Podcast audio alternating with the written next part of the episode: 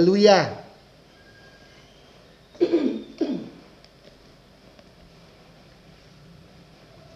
Haleluya. Amin. Puji Tuhan, salam sejahtera di dalam kasih Tuhan Yesus Kristus. Selamat kita berbakti, memuji dan memuliakan nama Tuhan. Puji Tuhan, hari ini kita bersyukur kepada Tuhan. Saudara dan saya masih bisa terus melayani Tuhan, masih bisa terus beribadah kepada Tuhan di masa-masa sekarang masa yang sangat sulit, masa yang sangat sukar, tapi saudara dan saya masih bisa diberikan kesempatan untuk beribadah kepada Tuhan. Puji Tuhan. Kebenaran firman Tuhan pada hari ini saya masih rindu untuk berbagi membagikan kepada saudara tentang meneruskan Wahyu pasal yang ke-12 minggu yang lalu. Sesudah agak eh, ya karena karena pasca hari Minggu kemarin sehingga firman Tuhan pasca minggu yang lalu tentang pasca. Tetapi hari ini saya rindu untuk uh, melanjutkan firman Tuhan pada sore hari ini masih tentang kalau saudara masih ingat Wahyu pasal yang ke-12 itu berbicara tentang gereja Tuhan di akhir zaman.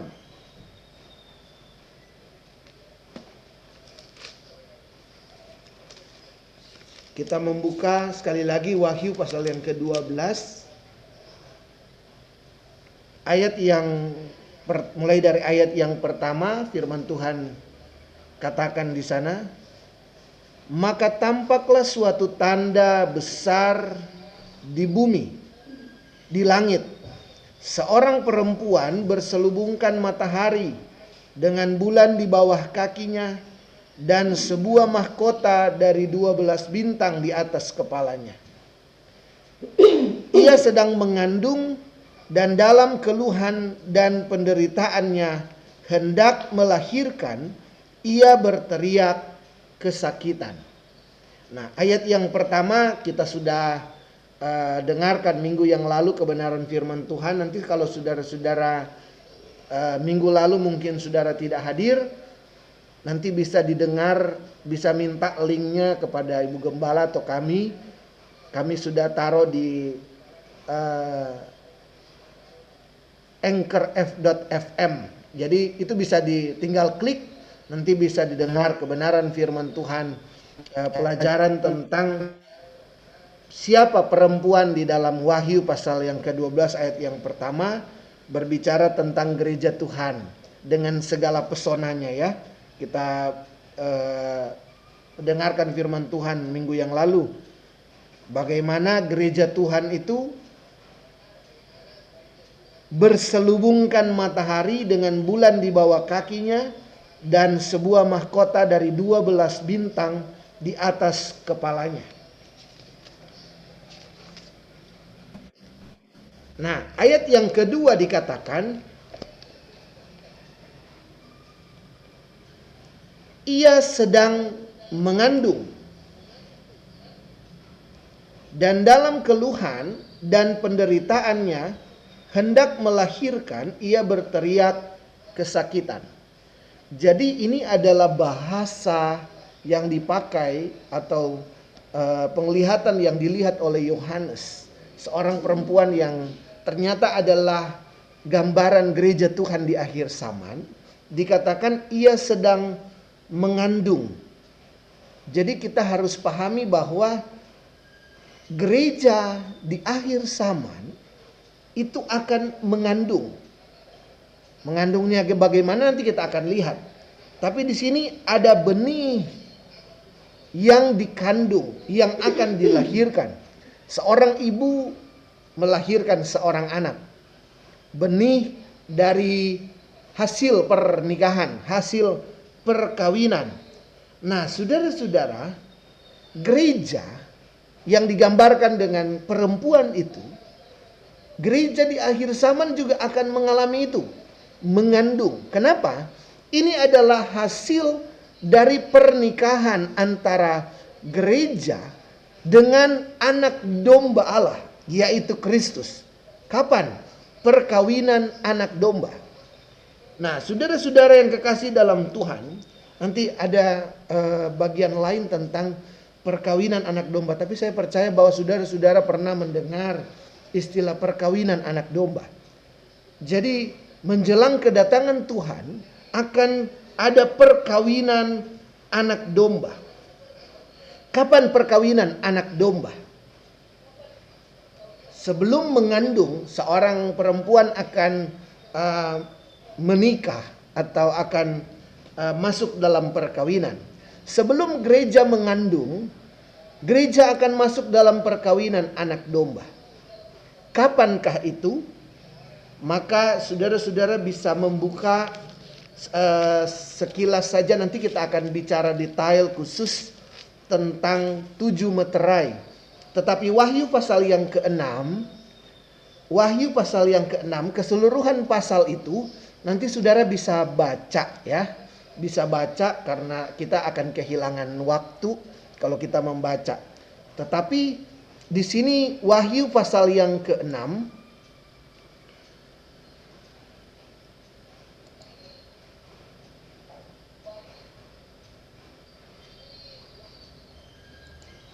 Wahyu pasal yang keenam yang ada enam meterai, ada tujuh meterai, ada tujuh meterai di akhir zaman dan enam meterai terbuka di pasal yang keenam.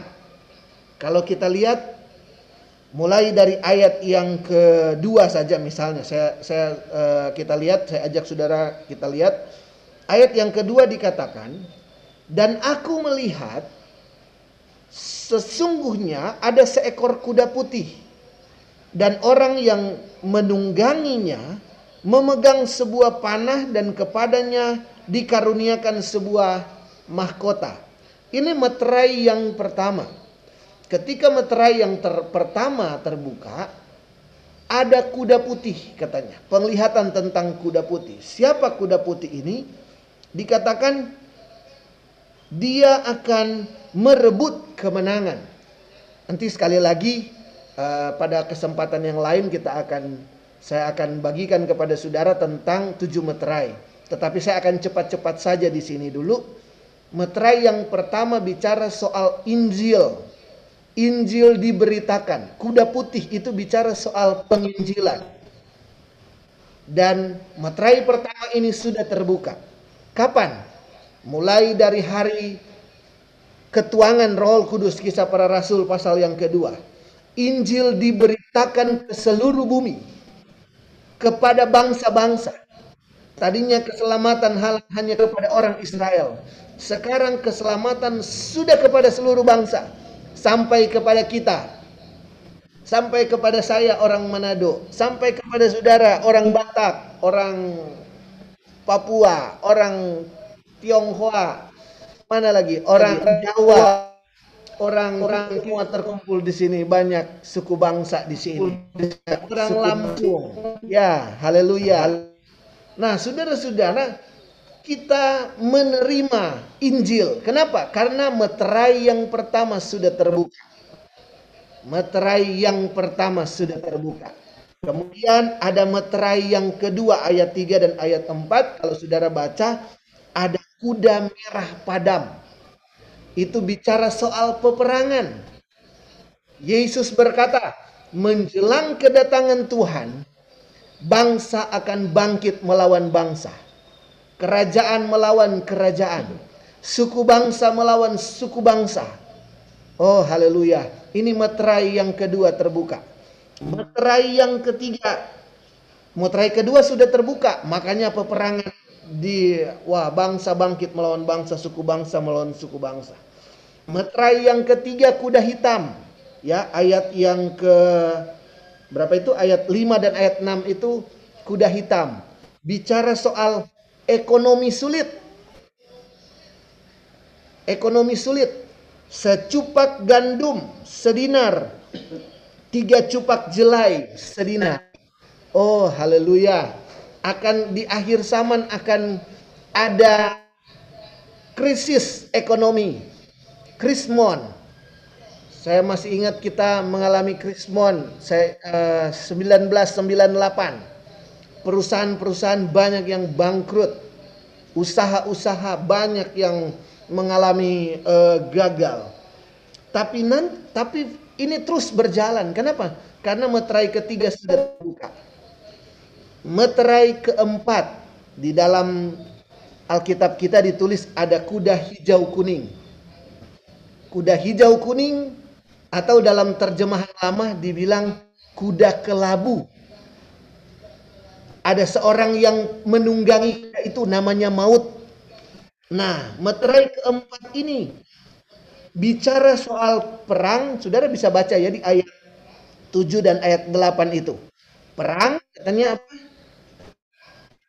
Kepada mereka diberikan kuasa atas seperempat dari bumi untuk membunuh dengan pedang. Berarti perang dengan kelaparan. Kelaparan. Sampai sekarang krisis kelaparan daerah Afrika ya. Di mana-mana tempat banyak yang kelaparan sampar dan dengan binatang-binatang buas yang di bumi. Sampar, sakit penyakit terbuka. Wah, zaman ini mulai ada virus-virus mematikan. Dulu ada virus HIV. Kemudian keluar virus SARS, virus Ebola. Virus itu semuanya virus di firman Tuhan di sini dikatakan binatang-binatang buas yang di bumi. Binatang buas itu bukan cuma singa, harimau. Termasuk COVID-19 itu binatang buas. Kecil tidak terlihat, tapi dia sangat buas. Penyakit virus merajalela itu terbuka. Dan saudara dan saya bisa lihat. Karena materai keempat sudah dibuka oleh Tuhan jadi diizinkan sudah berjalan terus virus dan sakit penyakit ini akan terus berlanjut sampai sampai kedatangan Tuhan. Nanti sesudah ini terakhir ini COVID-19, sesudah COVID-19 kita tidak tahu apa. Tapi memang nubuatan bahwa binatang-binatang buas akan keluar. Dan kalau meterai ini sudah terbuka, sehingga sekarang mulai ber, bermunculan uh, penyakit sampar, penyakit-penyakit menular dan sebagainya. Itu adalah nubuatan firman Allah. Materai keempat sudah terbuka. Baru kemudian ayat 9 sampai dengan ayat 11, meterai kelima. Bicara soal yang mati syahid. Bicara mereka yang mati karena Injil, mati karena mempertahankan firman Allah. Orang di dalam firman Allah yang pertama mati syahid mem, mem, mem, mempertahankan Injil sesudah uh, Kristus naik ke sorga. Yakobus, Rasul Yakobus mati karena mempertahankan Injil. Meterai kelima sudah terbuka dan firman Tuhan katakan sampai genap waktu sampai genap jumlah mereka yang akan meninggal mati karena mempertahankan Injil saya mau lihat dulu jangan ada di antara kita ini yang memang sudah di apa sama Tuhan sudah ditentukan mau mati sakit ya bukan tidak mungkin ya wah di sini ada mungkin ada bapak-bapak yang akan mati sakit karena mempertahankan Injil atau ibu-ibu ya pokoknya karena firman Tuhan katakan orang yang mati sakit itu jumlahnya harus genap akan di akhir zaman. Inilah pembukaan meterai yang ke berapa tadi? Lima. Yang kelima. Kemudian meterai yang keenam. Meterai yang keenam itu di ayat 12 sampai dengan ayat yang ke 16 ya. Ayat yang ke-12 sampai saudara bisa baca. Maka meterai keenam bicara soal bencana alam. Bencana alam. Maka aku melihat anak domba itu membuka meterai yang keenam. Terjadilah gempa bumi yang dahsyat dan matahari menjadi hitam bagaikan karung rambut. Dan bulan menjadi merah seluruhnya bagaikan darah. Dan seterusnya. Bintang-bintang di langit berjatuhan. Ya kita nanti akan kalau gempa bumi sekarang masih gempa bumi. Kemarin terakhir di Malang ya kita berdoa untuk Malang. 6,7 skala Richter. Hancur. Uh, saya melihat ada apa kiriman dari teman-teman hamba-hamba Tuhan yang di grup kami grup hamba-hamba Tuhan. Itu hancur banyak. Ya rumah sakit gereja dan sebagainya. Tapi kita tanya sekolah Alkitab di Malang gimana?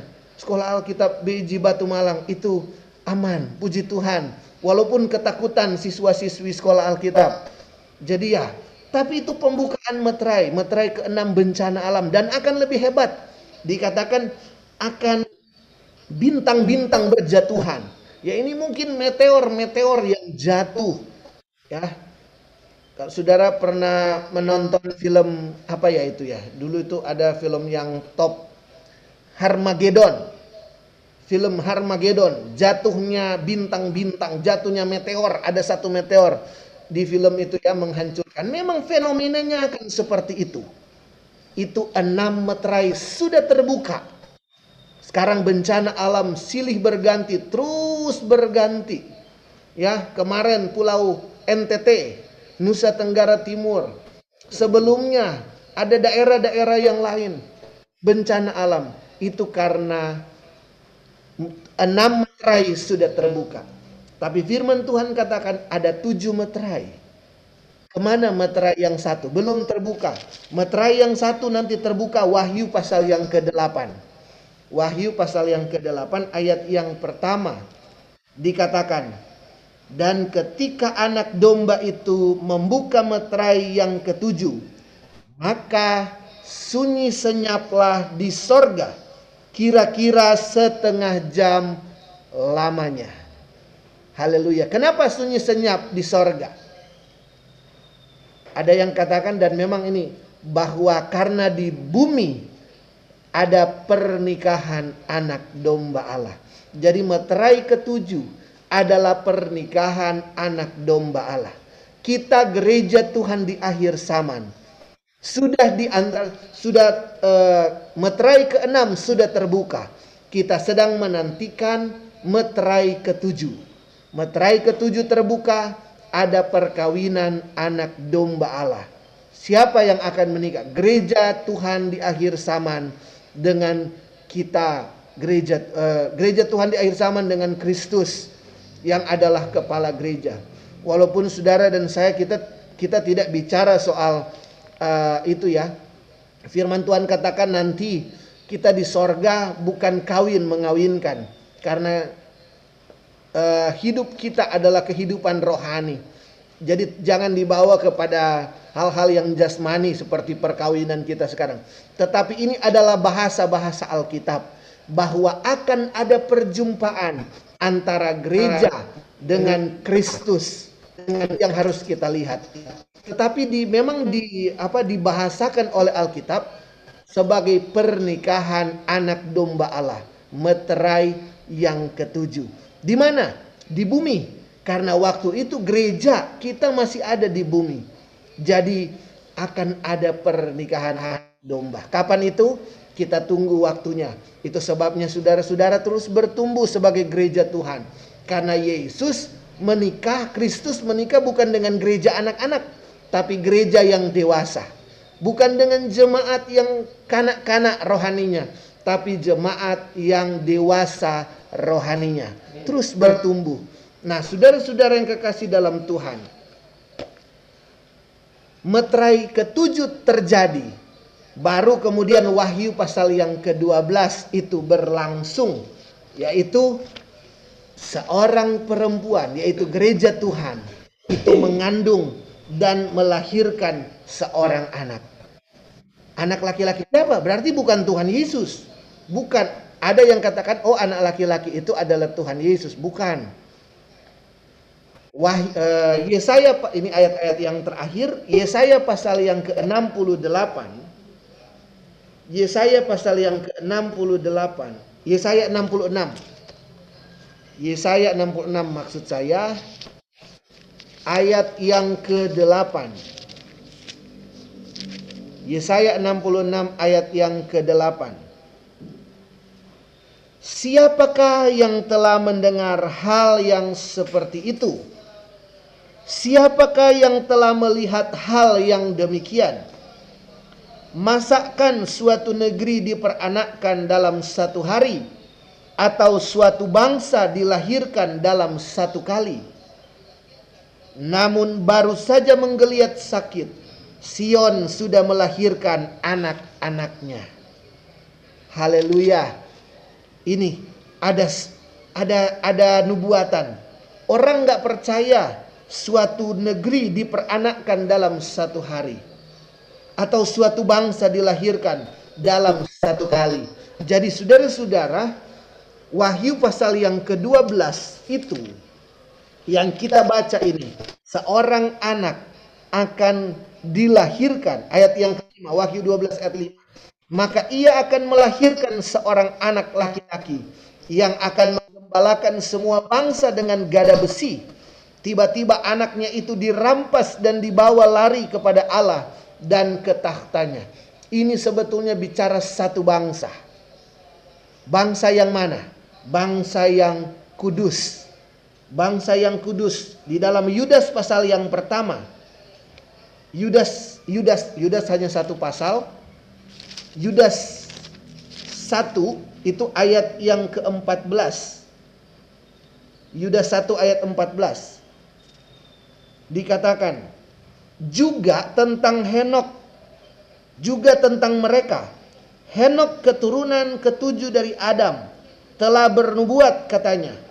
Sesungguhnya Tuhan datang dengan beribu-ribu orang kudusnya hendak menghakimi semua orang dan menjatuhkan hukuman atas orang-orang fasik karena semua perbuatan fasik yang mereka lakukan dan karena semua kata-kata nista yang diucapkan orang berdosa yang fasik itu terhadap Tuhan. Haleluya. Saudara-saudara ini dikatakan beribu-ribu orang kudus. Tuhan datang dengan beribu-ribu orang-orang kudus. Orang kudus yang mana? Ini yang dikatakan anak laki-laki itu. Wahyu uh, Yesaya pasal 66 ayat yang ke-8, suatu bangsa yang lahir suatu bangsa yang datang.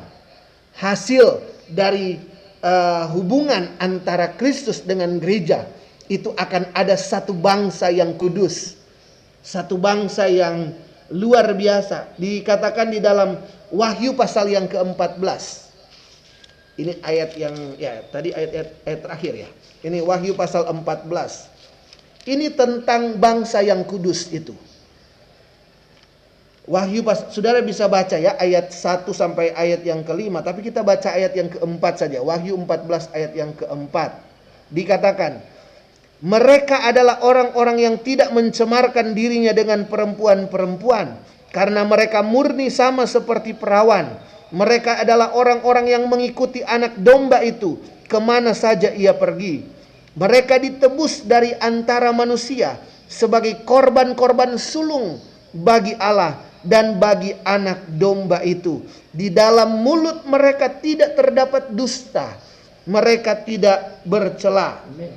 Ayat yang pertama dikatakan, Aku melihat sesungguhnya anak domba berdiri di bukit Sion dan bersama-sama dengan dia 144 ribu orang 144 ribu orang dan di dahi mereka tertulis namanya dan nama Bapaknya. Haleluya. Nah, saudara-saudara, percayalah kita gereja Tuhan di akhir zaman akan melakukan hal yang luar biasa yang akan mengguncangkan dunia ini. Yang akan mengguncangkan sejarah. Kenapa? Karena nanti satu waktu nanti ketika Kristus datang, Allah akan memakai gereja. Allah akan menggunakan saudara dan saya itu untuk menyatakan kemuliaan namanya. Saya tidak bisa menjelaskan terlalu detail, terlalu rinci pada uh, saat ini karena waktu yang tidak mengizinkan. Tetapi saudara-saudara yang kekasih dalam Tuhan, ayat yang terakhir saya ingin bagikan kepada saudara dikatakan di dalam Ibrani pasal yang ke-10. Ibrani pasal yang ke-10 ayat yang ke-39. Ibrani 10 ayat 37 sampai ayat 39. Firman Tuhan katakan, sebab sedikit bahkan sangat sedikit waktu lagi dan ia yang akan datang sudah akan ada tanpa menangguhkan kedatangannya. Jadi tidak lama lagi Tuhan akan datang dan tidak akan ditangguhkan katanya kedatangan Tuhan. Haleluya, meterai ke-6 sudah terbuka, kita sedang menunggu meterai ke-7. Kalau meterai ke-7 berarti pernikahan anak domba, berarti Kristus sudah datang. Haleluya. Tidak sudah dekat sekali kita dari meterai ke-6 ke meterai ke-7 sudah dekat sekali.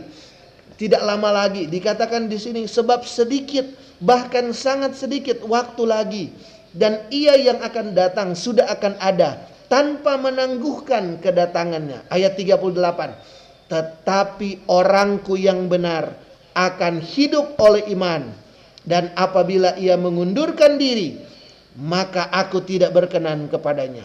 Tetapi kita bukanlah orang-orang yang mengundurkan diri dan binasa, tetapi orang-orang yang percaya dan yang beroleh hidup. Haleluya. Itu sebabnya orangku yang benar akan hidup oleh iman, kata Yesus. Kita gereja di akhir zaman. Saya pun sedang menanti, ingin melihat seperti apa pekerjaan Tuhan di akhir zaman ini.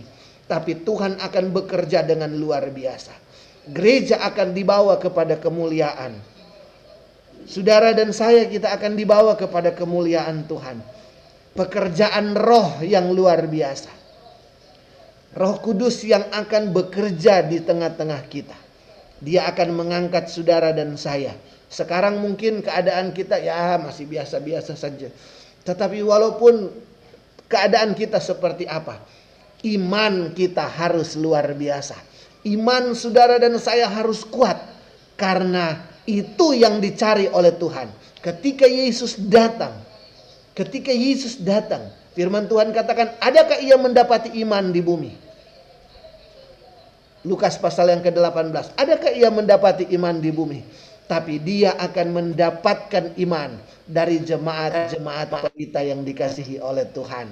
Tetap kuat di dalam Tuhan sekarang sedang masalah, sedang tantangan, tetap kuat di dalam Tuhan. Tetap setia. Tidak bisa ibadah, kita online. Pokoknya apa pun yang terjadi, iman harus terus bertumbuh. Pengajaran firman Allah terus bertumbuh. Dan di akhir zaman akan ada meterai ketujuh yang terbuka. Saudara dan saya akan seperti lima gadis yang bijaksana kata firman Allah Ketika ketika mempelai itu datang, saudara dan saya sudah siap untuk masuk dalam mempela dalam pernikahan anak domba Allah. Firman Tuhan berkata, dari timur ke barat anak-anak akan anak-anak Tuhan akan datang dan makan sehidangan dalam meja perjamuan yang disediakan oleh Bapa kita akan saudara dan saya akan berjumpa dengan orang-orang kudus yang lain dan kita semua akan dipertemukan di dalam meja perjamuan besar pernikahan anak domba Allah. Ini yang harus menjadi pengharapan iman kita. Bukan cuma soal uang, bukan cuma soal kekayaan. Aduh, saya gimana supaya bisa bayar kredit, supaya saya bisa beli ini, supaya itu hanya sampai di situ iman kita. Tidak bisa begitu. Iman saya dan saudara harus sampai ke sorga yang kekal untuk selama-lamanya. Jadi saudara dan saya akan tetap kuat. Akan tetap bersuka cita. Sekalipun di dalam tekanan dan masalah. Karena kita tahu kita ada bagian ketika Tuhan Yesus datang membagi-bagi upah buat orang-orang yang percaya kepada Tuhan. Tuhan Yesus memberkati kita dengan kebenaran firman Tuhan. Kita tundukkan kepala dan kita akan berdoa. Zaman The.